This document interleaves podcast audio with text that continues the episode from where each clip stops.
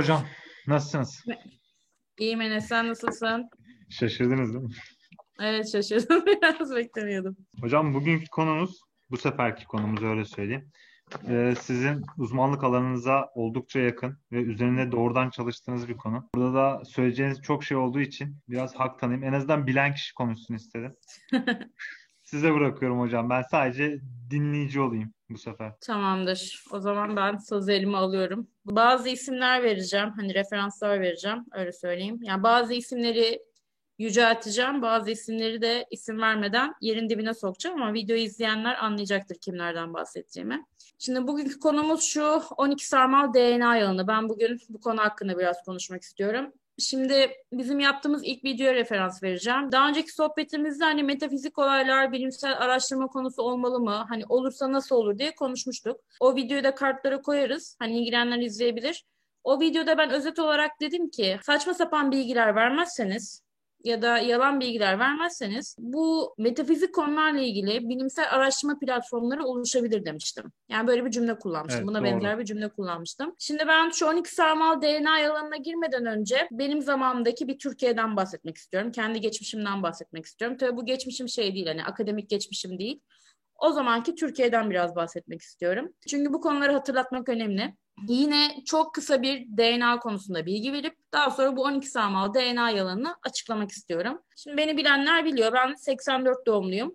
Yani üniversiteyi kazanıp İstanbul'a gelene kadar bu uzaylı, dünya dışı yaşam konularına çok ilgiliydim. Bursa'dayken tabiri caizse hani bu konulara aslında biraz sana şey gözüyle bakılırdı. Deli gözüyle bakılırdı. Hani ben pek bu durumu sallamazdım ama bu gözle bakılırdı. İstanbul'da da aslında üniversitede bu işe bıraktım derken biraz açmam gerekiyor. Üniversite 2. 3. sınıfa kadar bu konularla gene ilgilendim ben. O zaman da hani bu konular arkadaş çevremde konuştuğumda yine bana tuhaf gözle bakılıyordu. Hani ben pek ciddiye almıyordum ama bakılıyordu. Yani benim kuşağım ve benim üst kuşaklarım için 45 yaş üstü için diyeyim bu konular hala bir tabudur. Saçma sapan konulardır. Pek böyle konuşulmaya değer bulunmaz. Yine benim zamanımda internet internet böyle yaygın değildi. Zaten ben ilk cep telefonumu herhalde 98 yılında falan aldım o takoz denilen hani fotoğraf çekmeyen cep telefonları ve ben telefon hattıyla internete girdiğimi hatırlıyorum 99-2000 yıllarda. Böyle bir ortamda internete giriyorduk. Yine internet kafeler vardı. Oradan internete giriyorduk. Yani bu tip konuları araştıracak kadar internet hizmetimiz yoktu diyebilirim. Ancak ödev yapmak için internete giriyorduk. Ee, yine internet kafede de belli bir saat ücretiyle giriyorsun. O yüzden hani ödevin için ya da herhangi bir konuda kısa araştırma yapmak için giriyordun. Yani uzaylılarla ilgili geniş böyle videolar izleyecek bir ortam yoktu. Ancak o zamanın Türkiye'sinde şöyle bir enteresanlık vardı. Ona değinmek istiyorum. Dinler konusunda ve metafizik varlıklar bu cinler konusunda e, çok cesur programlar ve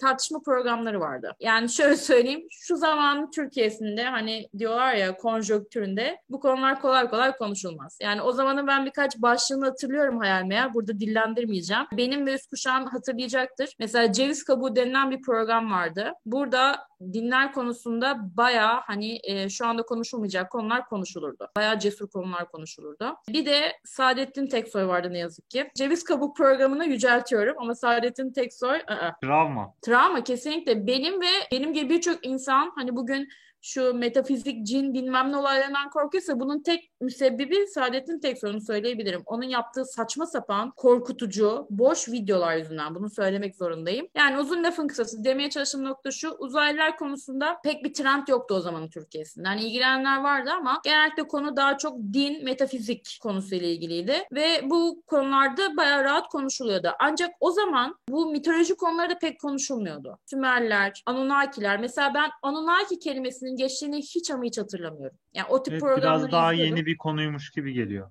Aynen. Yani ben o zaman Türkiye'sinde birçok hani bu konularla ilgili televizyon programlarını ve kitapları okudum elimden geldiğince. Yani hiç Anunnakiler ismi yok benim hafızamda. Muhakkak araştıranlar konuşmuştur, bir şeyler paylaşmıştır ama çok üzerine durulan konu değildi. O zaman Türkiye'sini biraz anlatırken burada ben bazı isimleri zikretmek istiyorum. Bunu bilerek yapmak istiyorum. Yani daha esas konuya gelmedik ama bu tip isimleri ve geçmiş hatırlamakta yarar var. Bu konulara emek veren ve bizim ufkumuzu açan birkaç isim var. Ben bunları dillendirmek istiyorum. Mesela bunlardan bir tanesi Haktan Akdoğan'dı. O zamanlar e, ben hatırlıyorum ilkokuldaydım. E, UFO Gerçeği diye program yapıyordu. Türkiye'de hani çoğu insanın uzaylılar konusunda fikir sahibi olmasında tek insandır diyebilirim. Yani bunu şu anda senin kuşağın Ben de öyleyim. pek bilmez. Ben de öyleyim. ben onunla başladım. Enes onunla başladığında sen kaçlısın çocuğum? 94. 94'te o program yapıyordu onu söyleyebilirim. Tamam yani ben en azından bildiğim ilk kişi oydu konuya dair. Aynen aynen. Sen mesela yeni kuşak olarak ondan öğreniyorsun. Yine benim ve birçok yani ben ve birçok insan Haktan Haktan'ın programıyla yaptığı programlarla fikir sahibi olduk bu konuları diyebilirim. İkinci isim de Farah Yurtözü. İkisinde şu anda YouTube kanalı var. Farah Yurtözü'nün de o esnada kitapları vardı. O kitapları okuyarak bu konular hakkında fikir sahibi oluyordum. Metafizik konusunda da mesela Ergun Candan var. Duayen isimlerden bir tanesi. Zehirli Mikrofon Ergun Candan için bir YouTube kanalı açtı. Ancak tabii ki herhalde kanala emek verilemedi. Açıkçası bir YouTube kanalı açıldı ama daha video yok. Ergun Candan'ı mesela o zamanın Türkiye'sinde bu konuları derince araştıran ve bilgi toplayan isimlerden biriydi. Bu isimleri neden verdim? Dediklerimi kanıtlamak için diyeyim. Yani benim gibi bu olaylara ilgili olan insanlar dediklerimi doğrulayacaktır bu isim e, bu isimlerle beraber. Bu o zamanlar mitoloji Sümerler, Hititler hatta Anunnakiler hiç konuşulmuyordu. Yani o zamanki durumda ben pek bu, bu isimleri duyduğumu hatırlamıyorum. Bir tek hani uzaylılar konusunda sırlar konuşuluyor. Yani şimdi mesela uzaylılar artık şu kesimmiş gibi konuşuluyor. Hani Anunnakiler uzaylı ve onlar bizim atalarımız gibi konuşuluyor ya. Evet. İşte bu konuşma benim o zamanki araştırma dönemimde asla zikredilen bir şey değildi. Yani Anunnaki ismini ben 4-5 yıldır duyuyorum. Biraz yani daha önce duyduğum mitolojiye bir dayandırmışlar. Mitoloji uzaylılarla eşleştirilirdi. Hani o piramitler, piramitlerin yapılışı, hani bunları uzaylılar mı yaptı yapmadı mı tartışmaları olurdu. Ki evet. bugün hala bu konularda konuşuluyor. Yani Mısırlıların e, aslında tanrıların uzaylı olduğu fikri hala konuşuluyor. O zamanlardan gelen ortak konulardan biri sadece Mısırlılar diyebilirim. Yeni jenerasyonda ne oldu? YouTube'la, sosyal medyayla. Yeni kuşak, yeni jenerasyon yani senin kuşağın ve senin daha alt kuşakların artık uzaylılar konusuna daha sıcak bakıyorlar. Bunu söyleyebilirim. Yani uzaylılarla ilgilenen, bu konuları araştıran, daha doğrusu dünya dışı yaşamı merak eden, bu konuları araştıran insanlara artık yeni dünya tuhaf gözüyle bakmıyor. Benim kuşağım için de birçok tabu kırıldı. Konular bir tabuymuş değerlendirilmiyor. Yani vakit ayırıp dinliyorlar. Yani şunu söyleyebilirim. Bunu ben iddia ediyorum. Benim kuşağım ve 45 yaş üstü bir 10 yıl önce uzaylılarla ilgili soru sorsaydınız büyük olsa sizi dinlemeyeceklerdir. Ama şu anda artık bu konu bir tabu olmaktan çıktı. Yani bu konuya daha sıcak bakıyorlar. Bu iyi bir şey. Yani ben bunu sevindirici olarak görüyorum. Çünkü bana göre de uzaylı olayının, teoloji olayının eğer bir bağlantı varsa hani bu olayların tartışılması gerekli. Ancak tabii ki bu konu bu kadar yaygın ve rahat konuşulduğunda olur oluşan bazı dezavantajlar da var. Bunlardan bir tanesi şimdi artık girişini yapacağımız bu 12 sarmal DNA yalanı. Söyle. Ben e, öğrenmeye ilk başladım. Haktan Haktan'la başladım diyorum. Ya, onunla birlikte en azından konunun ne olduğunu öğrenmeye başladım. Bu konu henüz havada benim için şekillenirken bir anda YouTube'da işte yani içine doğduğum bu internet ortamıyla birlikte bir mitoloji önüme koydular. Mısır'dan hemen sonrasına denk geldim. Ben daha çok yine o Babil, Sümer e, mitolojisiyle eşleştirdikleri zamana denk geldim. Benim havada e, aklımda oluşan UFO ve ufoloji doğrudan bu mitolojiye yapıştırılmış onunla birlikte anılır olmuştu. Şimdi de internette daha farklısını göremiyoruz. Doğrudan kesinmiş gibi kabul ediliyor. Yapılan her türlü adım ve üzerine koyulan bilgi bu inanç üzerine atılmaya başlanıyor. Ya ben o zamanlar bu konuları araştırdığımda şu 12 sarmal DNA olayını ne bir yerde duydum ne de bir yerde okudum. Yani bu olay tamamen bir yalan. Önceki videoya hep referans veriyorum. Videoyu gerçekten bu videoyu kez açanlar izlesin. Önceki videoda bahsettiğim gibi bu 12 sarmal DNA olayını hani Nature gibi saygın bilim kuruluşlarında yani öyle söyleyeyim yani yayın yapan, bilimsel yayın yapan kuruluşlarda arattırdığınızda bununla ilgili tek bir makale yok. Bunu önceki videoda uzun uzun değerlendirdik. Yani özetle bu 12 sarmal DNA olayı tamamen tamamen bir yalan. Peki bu videoda biz ne anlatacağız? Hani önceki videoda bu 12 sarmal DNA yalanı nasıl ortaya e, çıkabileceğini açıkladık. Hani dedik Nature sayfasını açarsınız, Google Akademi açarsınız. Oraya e, 12 e, strand DNA de yazarsanız ya da 12 sarmal DNA da diyebilirsiniz. Bakarsınız akademik yayın var mı? Yok. Yani bulursanız verin ama böyle bir şey yok. Şimdi bu yalanı önce bir tanımamız için yani daha doğrusu benim iddiam bu 12 sarmal DNA'nın yalan olduğu. Şimdi benim bu iddiayı desteklemem için önce kısa bir size bir DNA'yı anlat anlatmam gerekiyor. Burada evet slide'ı göstermeni rica edebilirim Enes. Sana da kısa bir nostalji yaşatırız. Evet biraz öyle olacak. evet arkadaşlar önce bir DNA'yı tanıyarak başlayalım. Şimdi iki iplikli bir molekül. DNA tüm canlılarda var. Bakterisinden mantarına, kedisinden köpeğine, bitkisinden insana tüm canlılarda DNA bulunuyor. Ve üzücü bir haber DNA arkadaşlar iki sarmallı yani iki iplik çıktı. 12 iplik çıktı değil, 12 sarmallı değil. Yapısında çok teknik bilgilere girmeyeceğim. Adenin, timin, guanisitozin dediğimiz nükleotitler var. Urasil bulunmuyor. Bir de DNA'nın e, DNA gibi olan ama tek iplikli olan diğer bir molekülümüz var. O da RNA. Onda da adenin, guanin, sitozin ve uresil dediğimiz nükleotitler bulunuyor. Şimdi DNA üzerine fokuslanacağız. Burada hani temel bilgi vermek için bu konuyu açıkladım. Şimdi arkadaşlar DNA 12 sarmalı değil bir kere 2 sarmalı. Kendini eşleyen bir molekül e, ve kendini onaran bir molekül. Neticede bu bir molekül yani kimyasal bir yapı. Gen dediğimiz yapıları içeriyor. Ayrıca o yanda gördüğünüz tek iplikli RNA'yı sentezliyor. DNA'yı bilen insanlar e, videonun bu kısmını atlayabilirler. Onu da derine girmeden söyleyelim. Çünkü neticede benim gibi biyoloji öğretmenleri, yüksek e, bu konuda yüksek lisans yapan, doktor yapan insanlar var. Biz videoları hazırlarken muhakkak o videoların açıklamalar kısmına hangi dakikada ne konuştuğumuzu yazacağız. Hani bu konuyu bildiğinizi düşünüyorsanız bu dakikayı atlayarak bir sonraki konuşmaya geçebilirsiniz. Şimdi hazır DNA'dan kısaca bahsetmişken ben özellikle şu gen konusunda malum isimlere bir gönderme yapacağım. Şimdi uzaylıların mitolojiyle bağlantısını açıklayan insanlar video hazırlarken ben o insanların videolarını dinliyorum. Çünkü mitoloji konusunda bilgim yok. Bilgim olmadığı için de bu insanlar da araştırma yapmış insanlar. Onların araştırmalarından faydalanıyorum. Ama iş ne zaman DNA'ya geldiğinde bu insanlar tuhaf bir şekilde bu olaya kendi fantezilerini karıştırıyorlar ve diyorlar ki işte atıyorum Anunnakiler 12 sarmalı DNA içeriyordu. Bu DNA'yı insana aktardılar. Daha sonra insanda önce bu DNA 4 sarmala düştü. Sonra 2 sarmala dönüştü şeklinde saçma sapan bir bilgi veriyorlar. Ve bu bilgiyi gerçekmiş gibi anlatıyorlar ve diyorlar ki bu bilgi zaten akademik olarak da biliniyor. Birçok camiada konuşuluyor diyorlar. Bu insanlar bir de şunu iddia ediyor. Hani bu mitolojiyi araştıran, bu konuda video hazırlayan insanlar. Bir eleştiri aldıklarında genellikle şöyle bir savunma yapıyorlar. İşte ben bu konu hakkında çok kitap okudum diyorlar. Mitoloji konusunda. İşte ya da şey diyorlar. Ben bu zamana kadar işte 4000 5000 ne yakın kitap okudum diyorlar. Şimdi kitap okumalarında sorun yok ama keşke okudukları kitap DNA ile ilgili olsaymış. Yani keşke DNA ile ilgili, genle ilgili de kitaplar okusalarmış. İşin kolayına kaçıp 12 sarmalı DNA yalanına sığınmasalarmış. Bunu burada söylemek zorundayım. Çünkü bu bir yalan. Ve genellikle bu yalanı söyleyen insanlara ben gen nedir diye sorduğumda bana bir açıklama yapamıyor. Geni bilmiyorsun, DNA'yı bilmiyorsun. Adenin guanin sitozin timin nedir bilmiyorsun. DNA'nın kendini eşlediğini ya da onardığını bilmiyorsun. Gelmişsin diyorsun ki 12 sarmalı DNA var. Böyle bir saçmalık olamaz. Yani böyle bir yalana e, kimse prim vermemeli. Onu söylemek zorundayım. Şimdi ben bu videoda yalan söylüyorlar diye eleştirdiğim insanların isimlerini vermeyeceğim. Ancak konuya meraklı olan insanlar zaten bu videoları izlediğimde kimlerden bahsettiğimi çok iyi anlayacaklar. Yani bu 12 sarmal DNA yalanı o kadar coştu ki Enes. Yengem bile beni arayıp diyor ki 12 sarmal DNA varmış diyor. Anlatabildim mi? Yani sen de onayla Bu kafaları diyor. işleniyor. Onay almaya çalışıyor. Ya şöyle tabii ki yengem benim şey bilmiyor. Alanımı da çok iyi bilmiyor. Hani ha. bu konuları bildiğimi de bilmiyor. Anlatabildim mi? Ama şey yapmış yani dinlemiş, vakit ayırmış. Adamın dediklerine de ikna olmuş. Ve zamanda ilk insanın DNA'sının 12 sarmal olduğunu düşünüyor yani. Yani bu yanlış bilgi kafaları işleniyor. Benim korkum şu. Ben o yüzden isyan ediyorum. Ya yarın öbür gün ben ders anlatmaya başladığımda hani DNA, RNA dediğimde bir öğrencinin bana çıkıp hocam 12 sarmalı DNA varmış ne düşünüyorsunuz diye sormasından korkuyorum. Anlatabildim mi? Bu yanlış bilgi çok şu anda şiddetli bir şekilde yayılıyor. Böyle bir şey yok. Durum bu yani. İyi ki bizim zamanımızda yokmuş hocam. Bizden biri çıkıp da sormamıştı.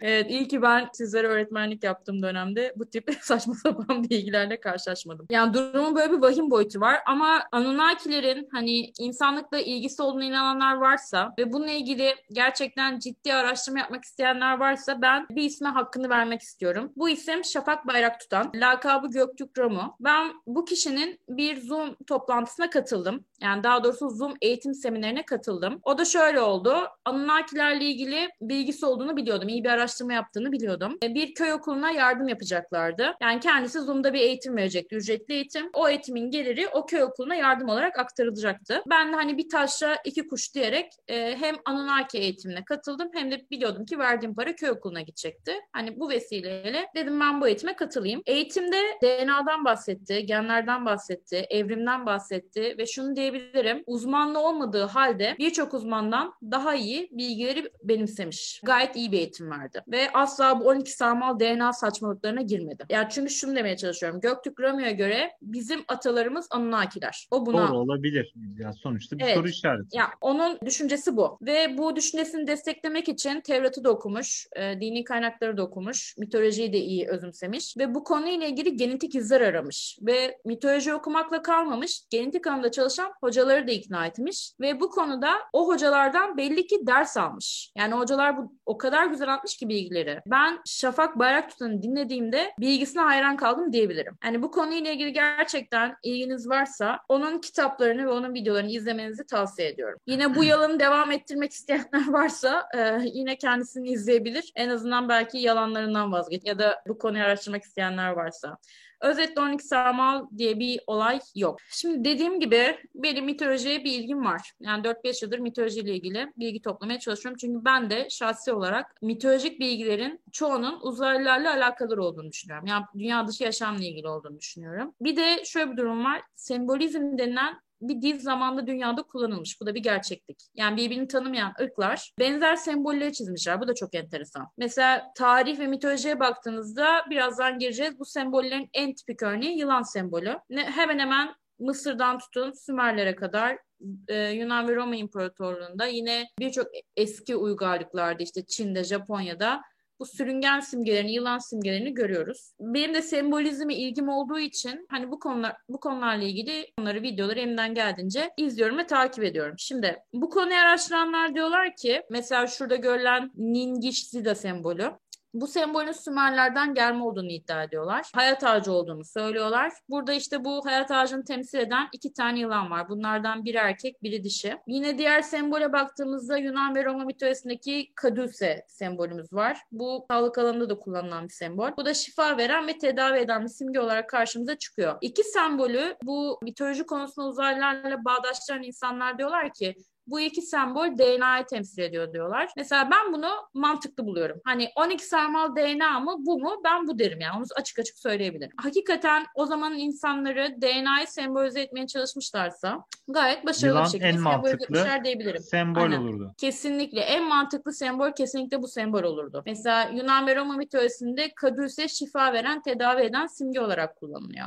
Bugün artık biliyoruz ki çoğu tedavi gen yoluyla yani DNA bazlı yapılmaya çalışılıyor. entendeu? Onu söylemek zorundayız. Belki bizim ömrümüz yetmeyecek ama bir sonraki kuşaklar büyük olasılıkla teknoloji ilerleyip sıçrama yaparsa gen düzeyinde tedavi edilecekler. Gerçekten atalarımız uzaylıysa onların bize bırakacağı nadide simgelerden bir tanesi hani DNA ile ilgili bu olabilir. Ben 12 sarmal DNA yalanı inanmaktansa hani bu tip bilgilere prim vermeyi daha doğru buluyorum. Yine bu iddiada bulunanlar şunu da iddia ediyor. Bizim atalarımızın uzaylı olduğunu, bu uzaylılara Anunnaki dendiğini ve bizim onların DNA'sını taşıdığımızı iddia ediyorlar. Ve mitolojik kaynaklarda da bu anlatılıyor diyorlar. İşte genellikle kanıt olarak da bize bu çizimleri sunuyorlar.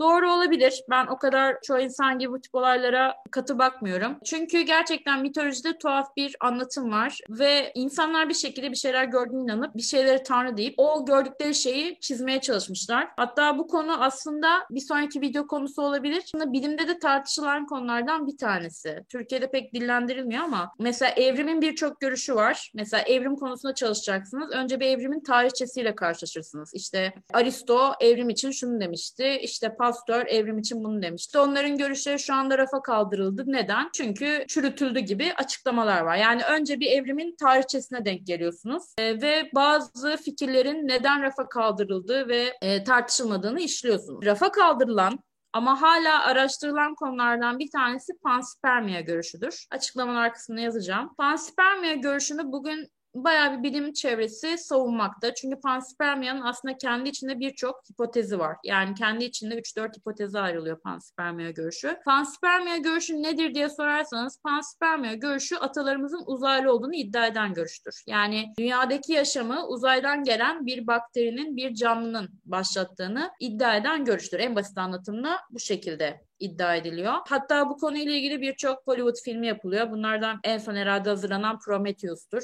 İlgilenenler izleyebilir. Orada işte bir Anunnaki'yi temsil eden canlı e, filmi izleyenler için hatırlatalım. Ne yapıyordu? Dünyadan su içiyordu. Sonra moleküllerine ayrılıyordu ve suya karışıyordu. Onun DNA'sı daha sonra dünyada yaşamı başlatıyordu. Böyle bir film kurgusuydu. İşte panspermia da aslında biraz bunu anlatmaya çalışan bir hipotez diyebilirim. Tabii ki çok itirazı var. Mesela en güçlü iddia şu tamam dünyadaki yaşamı uzaydan gelen bir canlının başlattığını varsayalım diyorlar. O zaman bu canlı hani uzaydan dünya gelene kadar nasıl zarar görmedi gibi. Hipoteze çok sert çıkan görüşler var diyebilirim. Ama hala tartışması sürüyor. Yani antitezi de güçlü. Tabii antitezi de güçlü. Yani şu anki evrim görüşü heterotrof görüşü diye geçiyor. Kabul edilen görüş. Aslında heterotrof görüşünün panspermia görüşünden bir şey yok. Hani zıtlaştığı nokta yok. E, neticede panspermia'nın iddiası şu. Yani yine heterotrof görüşü destekliyor panspermia görüşü. Normalde evrim görüşü ne der? Dünyada yaşam tesadüf eseri bir kez oluştu der ve o canlıdan bugünkü canlılar meydana geldi der. İnsan maymundan geldi demez. Yeri gelmişken vurgulayalım. Parantez içinde. Aynen. Çünkü evrim konusunda da çok güzel işkembeden atıyorlar. Onu geçiyorum artık. Yani şöyle söyleyeyim. Evrim insanın maymundan geldiğini söylüyor demek tamamen tribünlere oynamaktır ve yalandır. Panspermia görüşü şunu savunuyor sadece. Evet hani evrim görüşünü destekliyor. Onun aşamalarını destekliyor. Ancak yaşamın tesadüf eseri bir kez başladığını desteklemiyor. Uzaydan gelen bir yapıyla, molekülle, canlıyla başladığını iddia ediyor. Yani süreç, e, panspermia'nın süreçle ilgili bir sıkıntısı yok. Panspermia başlangıcın tesadüf eseri bir kez olmadığını, uzaydan gelen bir etmenle yaşamın başladığını iddia ediyor. Destekçileri de çok, onu söyleyebilirim. Yani panspermia bugün hala tartışılan konulardan bir tanesi. Tabii tartıştığı nokta evrimi çürütme anlamında değil. Yaşamın nasıl başladığını, dünyada yaşam nasıl başladı hala bir soru işareti. Dünyada yaşam nasıl başladı, ilk canlı nasıl oluştu? İşte panspermia ile şu anki evrim görüşü o noktada tartışılan konulardan bir tanesi. Yani orta yol bulunamıyor. Panspermia görüşünün aktif olması yani artık bunun doğruluğunu kanıtlanmış olduğunu varsayalım. Bunun dinimizce de şu anki algımızda da hiçbir etkisi olmayacak. Yani şu an uzaydan gelen bir bakteriyle bizim yaşamımızın olması ya da dünyadaki oluşmuş bir bakteriyle yaşamımızın devam etmiş olması, evrimin gerçekleşmiş olmasının hiçbir farkı yok, hiçbir önemi de yok. Doğru mudur hocam? Yani doğru dediklerini doğru anladıysam doğru. Evrim genellikle iki başlık üzerinde durur. Bu başlıklardan bir tanesi dünyada yaşam nasıl başladı? İkincisi de o yaşam başladıktan sonra işte bu kadar biyolojik çeşitliliğin olmasını sağlayan süreç nasıl gelişti? Bunu açıklamaya çalışır. Yaşamın nasıl başladığı ile ilgili bugün hala panspermia görüşünü savunanlar var. Yani rafa kaldırılmış bir görüş değil. Atalarımız uzaylı olabilir mi? Olabilir. Hani bu beni üzer mi? Umurumda bile olmaz. Onu evet, tam olarak bunu söylüyordum hocam. Bu beni Aynen. üzmez yani sıkıntı yok nereden geldiyse. Evet orada hemfikiriz. Gelelim yok. Sol taraftaki bu sembol için şu anki Britanya ve İngiltere armasının neredeyse aynen, e, aynen. aynısı ve kökü diyebilirim. Ve birçok yerde bu kullanılıyor. Bir de şöyle bir şey var. Bu hayat ağacına sarılmış yılanlar ya da e, hayat ağacı, insan ve yılanlar sembolü birbiriyle bağlantısı olmayan Orta Doğu deneyetlerinde, Mısır'da ve Amerika'da, Mezoamerika'da aynı şekilde çizilmiş, aynı şekilde resmedilmiş bir durum. Öyle bir şey var ki sanki insan zihnine verilmiş, insanlar ayrı bile olsalar aynı şeyi çizebilmişler. Yani burada işte örneklerini ben bunu epigenetiğe bağlıyorum. Maya'da birbirine bağımsız olmalarına rağmen aynı şeyi çizmişler. Ben aslında bu konuyu epigenetiğe bağlıyorum biraz. Epigenetik konusunda da geniş bir zamanda detay bir video çekmeyi düşünüyorum. Hani bu ortak semboller, sembolizm dili epigenetikle açıklanacak bir durum. Şimdi e, tabii ki epigenetiği açıklamak için önce bu videoları hazırlamamız gerekiyor. Yani adım adım gidiyoruz. başladık. Evet, metafizikle başladık. DNA'ya geliyoruz. Daha sonra da epigenetik ve e, ilerleyen konularda vaktimiz olursa hani linç yeme durumumuza göre evrimden bahsederiz. Bu konuda kesin linç yiyeceğiz. Çünkü ben açıkça ilan ediyorum yani yalan söylüyorsunuz. 12 sarmal DNA diye bir şey yok. Onu söylemek istiyorum. Hocam ben yaşam koçlarının bir başka malzemesi daha olduğunu görmem güldürüyor yani beni. Bunlar şey onların malzemesi olmuş durumda. Ya bir de şöyle bir durum var. Nasıl aktif hale getirilir? Ya bir de şöyle bir durum var. Dediğim gibi bu yalan bilgi yaygınlaşıyor. Az önce sana bahsettiğim gibi. Yani biri buna yalan demezse, biri buna isyan etmezse ki ben burada ben tekim demiyorum. Muhakkak benim gibi bu olaya tepki gösterenler olmuştur. Ancak şu anda bizim sesimiz çok cılız. Bu insanlar o kadar sanki bu olay gerçekmiş gibi bunu rahat anlatıyorlar ki birazdan detayına gireceğim. Yani burada tipik bir post-truth dediğimiz gerçek dışı durum yaşanıyor. Yani yalan şeyi doğruymuş gibi aktarıyorlar bize. Yarın öbür gün üniversitelerde, liselerde çocuklara DNA anlattığımızda bize diyecekler ki e 12 sarmal DNA için ne düşünüyorsunuz hocam diyecekler. Yani bu çok tehlikeli bir durum diyorum ya. Yengem bana diyor ki 12, DNA 12 sarmallıymış diyor yani anlatabildim mi? Yani bu yalan bilgi işleniyor artık sıkıntı burada. Ve biz e, herhalde 5 yıl bu bilginin yalan olduğunu anlatmakla uğraşacağız. Ya da evrim gibi insanın maymundan geldin diye hani bir yalan uyduruldu ya o yalan kuşaklar boyunca herhalde konuşulacak yani kurtulamayacağız bundan. Yeni bir yalan doğuyor aslında ona, ona şahit olduk. Yeni bir da- yalan doğuyor ve bu yalanı herkes araştırmadan benimsiyor. Çok tuhaf. Ya yani bu insanların bazıları akademisyen. Hani nasıl makale taraması gerektiğini akademik araştırma yapmasını bilen insanlar. Hani bu olayı onaylayan bazı insanlar. Hiç mi araştırmadın ya? Hiç mi okumadın? Hiç mi bakmadın güvenilir kaynaklara? Böyle bir şey yok. Bir de şöyle bir şey var. İnsan şunu da akletmeli. Ya diyorum ya size tüm canlıların neredeyse DNA analizi yapılıyor bugün. Birazdan geleceğiz ona. Yani bakterisinden tutun bitkisine, mantarına, insanına tüm canlıların şu anda gen analizi, genom analizi çalışmaları yapılıyor. Yani her canlının muhakkak hücresinden DNA izole ediliyor ve genom çalışması dediğimiz çalışmalara sokuluyor. Dolayısıyla dedikleri gibi 12 sarmalı bir DNA olsaydı bugün şu zamana kadar ortaya çıkardı yani doğada bir örneğini görürdük. Hadi 12 sarmalı geçtim. 4 sarmalı DNA'nın bile doğada bir örneğini görürdük ya numune olarak. Yok. Böyle bir örnek yok. O yüzden ben Şafak Bayraktutan'ı referans verdim. Yani bu konular hakkında hakikaten en güvenilir, sağlam kaynaklarla bilgi veren tek insan o şu anda referans verebileceğim. Böyle bir şey yok arkadaşlar. Önce onu netleştirelim. Şimdi gelelim yalanlara. Bu 12 sarmal DNA yalanını uyduranlar genellikle şöyle yalanlar söylüyor. Onları ben bir derledim. Bazıları bizim ülkemizden bazıları da yurt dışından. Maalesef bu 12 sarmal DNA yalanı yurt dışında da tutmuş. Belki yurt dışından geldi bize bilmiyorum kaynağını. Ama bu yalan tutmuş. Dünyada da maalesef böyle trendler var. Şimdi ilk yalana geldiğimizde DNA aslında 12 sarmalmış. Zamanla 4 sarmalı sonra 2 sarmalı düşerek bugünkü konumunu almış. Bu bilgiler zaten biliniyormuş. Bu birinci yalan. İkinci yalan DNA'nın her şeyi keşfedilmiş, isteyenler araştırıp öğrenebilirmiş. İlk videoda da bundan biraz kısaca bahsettik. Böyle bir şey yok. Üçüncüsü junk DNA olayı. Junk DNA yani çöp DNA konusu. Bu konu hakkında bilim adamları junk yani çöp diyerek bu DNA ile ilgili önemli bilgileri kapatıyormuş ama oranın junk DNA yani çöp DNA olmadığını bilip gizliyorlarmış. Şimdi ben bu iddiaların her birine bir açıklama yapma ihtiyacı hissediyorum. Çünkü bunlar yalan ve bunlar tamamen tribünleri oynama, prim yapma için söylenen kelimeler. Önce junk DNA olayıyla başlayacağım. Biraz ondan bahsetmek istiyorum. Şimdi bu çöp DNA, junk DNA, ben junk DNA diyeceğim. Şimdi şu siyah gördüğünüz çizgi var ya tepede. Evet. O DNA'yı temsil ediyor. Zaten şekilde açmaya çalışmış. DNA'yı temsil ediyor. Burada bilerek biraz teknik bilgiler vereceğim. Yani basit indirgeme çalışmam ama teknik bilgiler vereceğim ki konu net anlaşılsın. Şimdi DNA öyle bir molekül ki DNA'nın bazı bölgeleri açıktır, bazı bölgeleri kapalıdır. Yani DNA'nın bazı bölgeleri sıkı sıkıya kapalıdır, bazı bölgeleri de açıktır. Açık olduğu bölgelerden protein sentezi meydana gelir ve hayat boyu bu bölgeler açıktır. Ama DNA'nın bazı bölgeleri ise hayat boyu nedir? Kapalıdır. İşte bu kapalı bölgeler yani insanın hayatı boyunca aktifleşmediği için ilk keşfedildiğinde bilim adamları bu bölgeye junk DNA demişler. Yani çöp DNA demişler. Ama başlangıçta neticede bir şey bulduğunuzda ona bir terminolojik isim bulmanız gerekiyor. Terim bulmanız gerekiyor.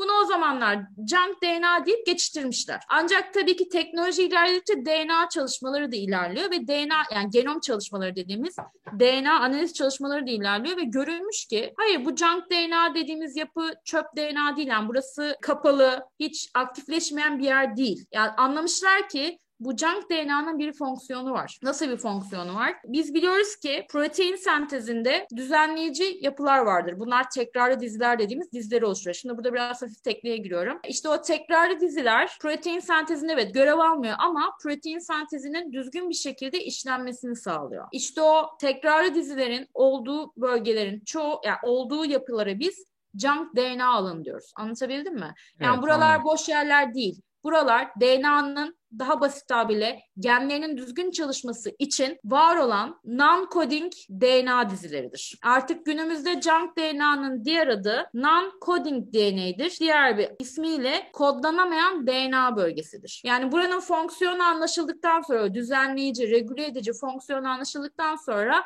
yeni terminolojide artık bu bölgeye junk DNA denmiyor ya da çöp DNA denmiyor. Ancak tabii ki siz bu konu hakkında bir araştırma yapmışsanız, hani tabii bu konuyla ilgili makale yazdığınızda gene eski terminolojiyi kullanıyorsunuz anlaşılsın diye. Junk DNA diyorsunuz. Ama orada junk demek o DNA'nın çöp olduğu, fonksiyon olmadığı anlamına gelmiyor.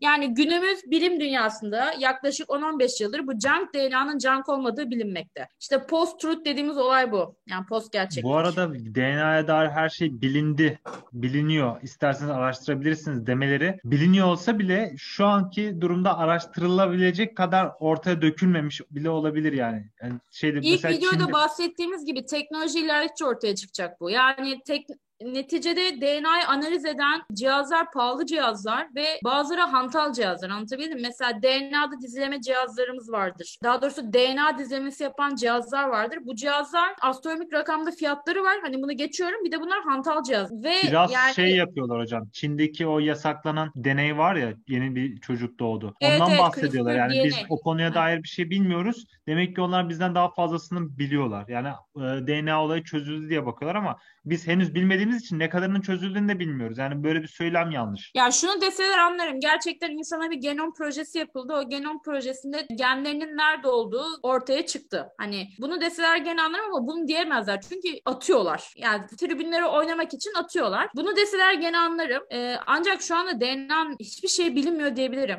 Ya o kadar sürprizlerle dolu ki DNA. Ya biz şu anda yeni yeni DNA'yı anlıyoruz diyebilirim. DNA'yı tam olarak ne zaman daha net anlayacağız? Tabii ki bu tip araştırmalar arttıkça anlayacağız. Ve teknoloji ilerledikçe gerçekten bu bilim dalının ilerlemesi teknolojiyle çok paralel. Onu söyleyebilirim. Ne zaman görüntüleme analiz cihazları böyle artmaya başlar ki ilk videoda nanoskopiden bahsettik. Hani nanopartikül boyutunu Evet. gö- görmeyi sağlayan cihazlardan bahsettik. Bunlar ne zaman yaygınlaşır ve ne zaman geliştirilir? O zaman biz DNA ile ilgili, genlerle ilgili belki daha bilmediğimiz birçok şey bileceğiz. Junk DNA konusunu net anlaşıldığını düşünüyorum. İkinci olay işte senin az önce vurguladığın DNA'nın her şeyi keşfedilmiş, isteyenler araştırıp öğrenebilirmiş. Böyle bir şey yok. Yani DNA'nın araştırılması için e, ve fark edilmesi için o kadar çok nokta var ki yani o kadar çok bilmediğimiz şey ortaya çıkıyor ki böyle bir şey demeniz tamamen olayı çarptırmaktan başka boyut, e, başka boyuta gidemiyor. Ve gelelim son konumuz olan şu 12 sarmal DNA konusuna. Sadece Nature'da değil Google Akademik e, Google Akademi gibi makale arama platformlarında 12 sarmalı DNA diye arattığınızda hiçbir akademik bilgi çıkmıyor. Bunu söylemek zorundayım. Hani review dediğimiz derlemeler vardır. Bunlar mesela bir konuyla ilgili tarihsel araştırmaya denk geldiğinde bunları da paylaşır. Atıyorum yemeklerin evrimi diye bir derleme yazacaksınız, review yazacaksınız. Böyle Osmanlı tarihinden ya da Yunan tarihinden de örnekler verebiliyorsunuz. Bir tarih araştırması yapıyorsunuz. DNA ile ilgili hani bu tip tarih araştırmalarında 12 sarmal DNA ile ilgili bilgi bile yok. Yani bu bilgi nereden ortaya çıktı bilmiyoruz. Böyle bir derleme bile yok. Bir tek hani olur da denk gelirseniz kafanıza soru işareti kalmasın diye açıklayacağım bir bilgi var. O da şu yeşilli şekil. Onun mouse. Oradaki yeşil yapılar arkadaşlar iki sarmalı DNA'yı gösteriyor. Bir de ona sarılan üçüncü bir iplikçik daha var. Üç iplikçikli DNA diye arattırdığınızda bazı makaleler karşınıza çıkacaktır. Ancak bu ip, üç iplikçi DNA, e, DNA sandığınız gibi 3 iplikten oluşan bir DNA değil. Orada gördüğünüz sarı şerit, oligonükleotit dediğimiz kısa iplikçiklerdir. Bu iplikçikler DNA'nın bazı bölgelerine üçüncü iplik olarak bağlanır ve o bölgenin çalışmasını düzenler. O bölgeyi genellikle olumsuz yönde çalışmasını düzenliyor bu arada. Yani o bölgenin çalışmasını durduran, kilitleyen bir anahtar gibi görev görüyor. Hani olur da üç sarmallı DNA diye arattırdığınızda bir şeyler görürseniz heyecan yapmayın. Gene DNA iki sarmallı. Bu üç sarmallı DNA denilen yapı o DNA iplikçiğine kısa süre bağlanan oligonükleotitler yani şu sarı iplikçik gibi kısa diziler. Özetle doğada 12 sarmal DNA'ya ait hiçbir imare yok ve doğadaki tüm canlılarda DNA var. Bu DNA'da arkadaşlar iki sarmallı DNA'dır.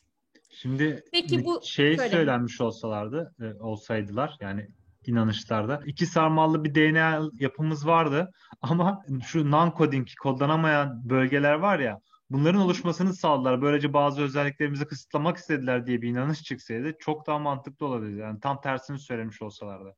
Doğru değil mi hocam? Ya o zamanın insanları gerçekten hani şey diyorlar ya kadim bilgileri bilen insanlar diyorlar hani bu- konuşmaya girerken. Her şeyin doğru olduğunu varsayalım. Hakikaten atalarımız uzaylı geldiler buraya. Bize işte ilim irfan öğrettiler.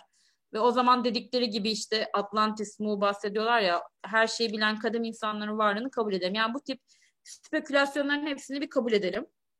Çünkü Mu olayı da bir sır. Mesela Atatürk de zamanda Muğktasını araştırmış biri ve bunun için kişi görevlendirmiş biri Meksika'ya gitmesi için. Bunların hepsinin gerçek olduğunu varsaydığımızda bu insanlar bu bilgileri yine bir sembolizmle anlatmaya çalışacaklardır. Yani ben o Çünkü noktada tüm yılan zamanlara sembolünü... ve tüm medeniyetleri açıklamaları gerekecek. Aynen. Birbirine sarılı iki yılan. Onun gibi semboller kullanacağını düşünüyorum. Aynen. Bu şekilde semboller kullanacaklarını düşünüyorum. Başka türlü bir ortak dil bulamazlar gibi geliyor. Belki bizim bilmediğimiz çok nokta var. Dediğim gibi DNA'nın her şeyi bilinmiyor. Yani o bilgi komple, bilgi bile demeyeyim. O açıklama yanlış. Şimdi peki bu insanlar bu yalanları en hafif tabirle ucuz spekülasyonları neden yapıyorlar? Ya da neden prim e, yapmak için bu bilgileri veriyorlar? Çünkü insanların olayları araştırmadığının gayet iyi farkındalar. Ki aslında kendileri biraz o gruba giriyor ama biliyorlar ki hani biz söyleyelim nasıl olsa bunu araştırmayacaklar, bilmeyecekler diyorlar. Yani insanoğlu yapısı gereği bu da aslında problem. Hep böyle gizemin yani böyle gizemli şeylere, hep böyle bilinmeyen şeylere ilgi duyuyor. Yani var olan gerçek bilgiyi kabul etmekte zorlanıyor. Bundan faydalanıyorlar. Yani insanların bu zaafından faydalandıklarını düşünüyorum ki bu da aslında e, çağımızın en önemli sorunlarından bir tanesi. Bugün çağımızda gerçeklik ötesi e, durumu var. Yani şu anki çağımız post-truth çağı, gerçeklik ötesi çağı. Post-truth nedir? Yalanların gerçekmiş gibi anlatılması olayı. Ve maalesef bugün internette bu durumu yaşıyoruz. Yani ben daha videonun başında ne dedim? Benim zamanımda bu uzaylılar konusunu konuşmaya kalktığınızda bazı insanlar bıyık altından gülüyordu. Ve bu konuyu saçma buluyordu. E, şimdi genç jenerasyon bu konulara açık bu konulara bıyık altından gülmüyor. Tam tersine bu konulara gayet ciddi yaklaşıyor. Ve internetle beraber ciddi bir bilgi akışı var. Yani ben de artık takip edemiyorum. Onu söyleyebilirim. Yani gerçekten bu olaylarla ilgili ne olmuş, ne bitmiş diye hepsini araştırmaya kalktığımda buna çok ciddi mesai harcamak zorundayım. Ancak şu anda her ne kadar bu konular rahat konuşulsa da işte post-truth gibi sorunumuz ortaya çıkmaya başladı. Yani bu kadar açık ve yaygın konuşulmasının getirdiği en büyük dezavantaj çok fazla yalan çıkmaya başladı. Ve kaynak gösterilmeden yalan yalan çıkmaya başladı. En bu da çok de o. tehlikeli. Şimdi bu video izlendiğinde altına yorum yapılacaktır. Öyle söyleyeyim. Ee, ve genellikle şey diyecektir. 12 sarmallı DNA ile ilgili şöyle kitaplar var, böyle kitaplar var diyecekler. Arkadaşım yani öyle kitap ben de yazıp ben de basarım. Yani bana kitapla değil gerçekten de böyle sağlam bir e, yayından çıkmış makale gösterin. Ve bu konuyu araştıran bir insan ismini verin. Tamam. Bu dediğim gibi post-truth'luk, gerçeklik ötesi durum çağımızın vebası. Bunu da nasıl aşabiliriz? Doğru bilgiyi nereden elde edeceğimizi öğrenerek. Mesela Bonik Sarmal DNA'nın yalan olduğunu nereden öğreniyoruz? Akademik. Benim bu konu hakkında diyeceklerim bu Enes. Senin katmak istediğin bir şey var mı? Ben e, sizi dinleyerek ve fırsatı vererek bir katkı sağladım. Bu konu hakkında çok fazla bilgi yok ve biraz da nostalji yaşadım hocam. Tekrar ders işledik. DNA, RNA kısmında. Şimdi benim bu konuyla ilgili söyleyeceklerim bu kadar Enes. Ben yine e, bu konuda benim konuşmama izin verdiğin için sana çok teşekkür etmek istiyorum. Rica ederim hocam. Umarım kanalım büyür. E, bayağı bir izleyici kitlesine sahip olur. Sesimizi duyurabiliriz. Ben gerçekten hani kanalında bana yer verdiğin için ve bu konuları dillendirmemi sağladığın için gerçekten sana çok teşekkür etmek istiyorum. Rica ederim hocam. Renk geldi en azından. Farklı konularla açılacağız. O yüzden renk geldiğini düşünüyorum ben de. Farklı evet, bakış açılarıyla. Ederim. Teşekkür ederim. Ee, bir sonraki konuda eğer ayarlayabilirsem evet. Kimera'dan biraz bahsetmek istiyorum. Kimera kimerik yan kavramından biraz bahsetmek istiyorum. Bu konuyla ilgili biraz çalışmam lazım çünkü bu konu mitolojiye de giriyor. Ee, mitoloji konusunda zayıf olduğumu söylemiştim. Ee, evet. Ayarlayabilirsem bu konuyla ilgili de güzel bir kompozisyon sunup e, seninle tartışmayı düşünüyorum. Seninle konuşmayı düşünüyorum. Çünkü senin mitolojiye ilgin olduğunu biliyorum. Ben de bu konu ee, üzerinde yoğunlaşın da en azından destek verebileceğim yerler olabilir siz anlatırken? Mitolojiye ilgi duyanların yararlanabileceği bir nokta olacağını söyleyebilirim. Video ile ilgili yorumlarınız varsa videonun altına yorum olarak yazabilirsiniz arkadaşlar. Yani bu konuyla ilgili gerçekten hepinizin yorumlarını ve eleştirilerini bekliyor olacağım ve okuyor olacağım. Dediğim gibi benim diyeceklerim bu kadar. Teşekkür ediyorum sana Enes. Sen bir şey diyeceksen. Peki hocam ben de size teşekkür ediyorum. Artık bir dahaki konuda görüşmek üzere diyorum. Kendinize iyi bakın.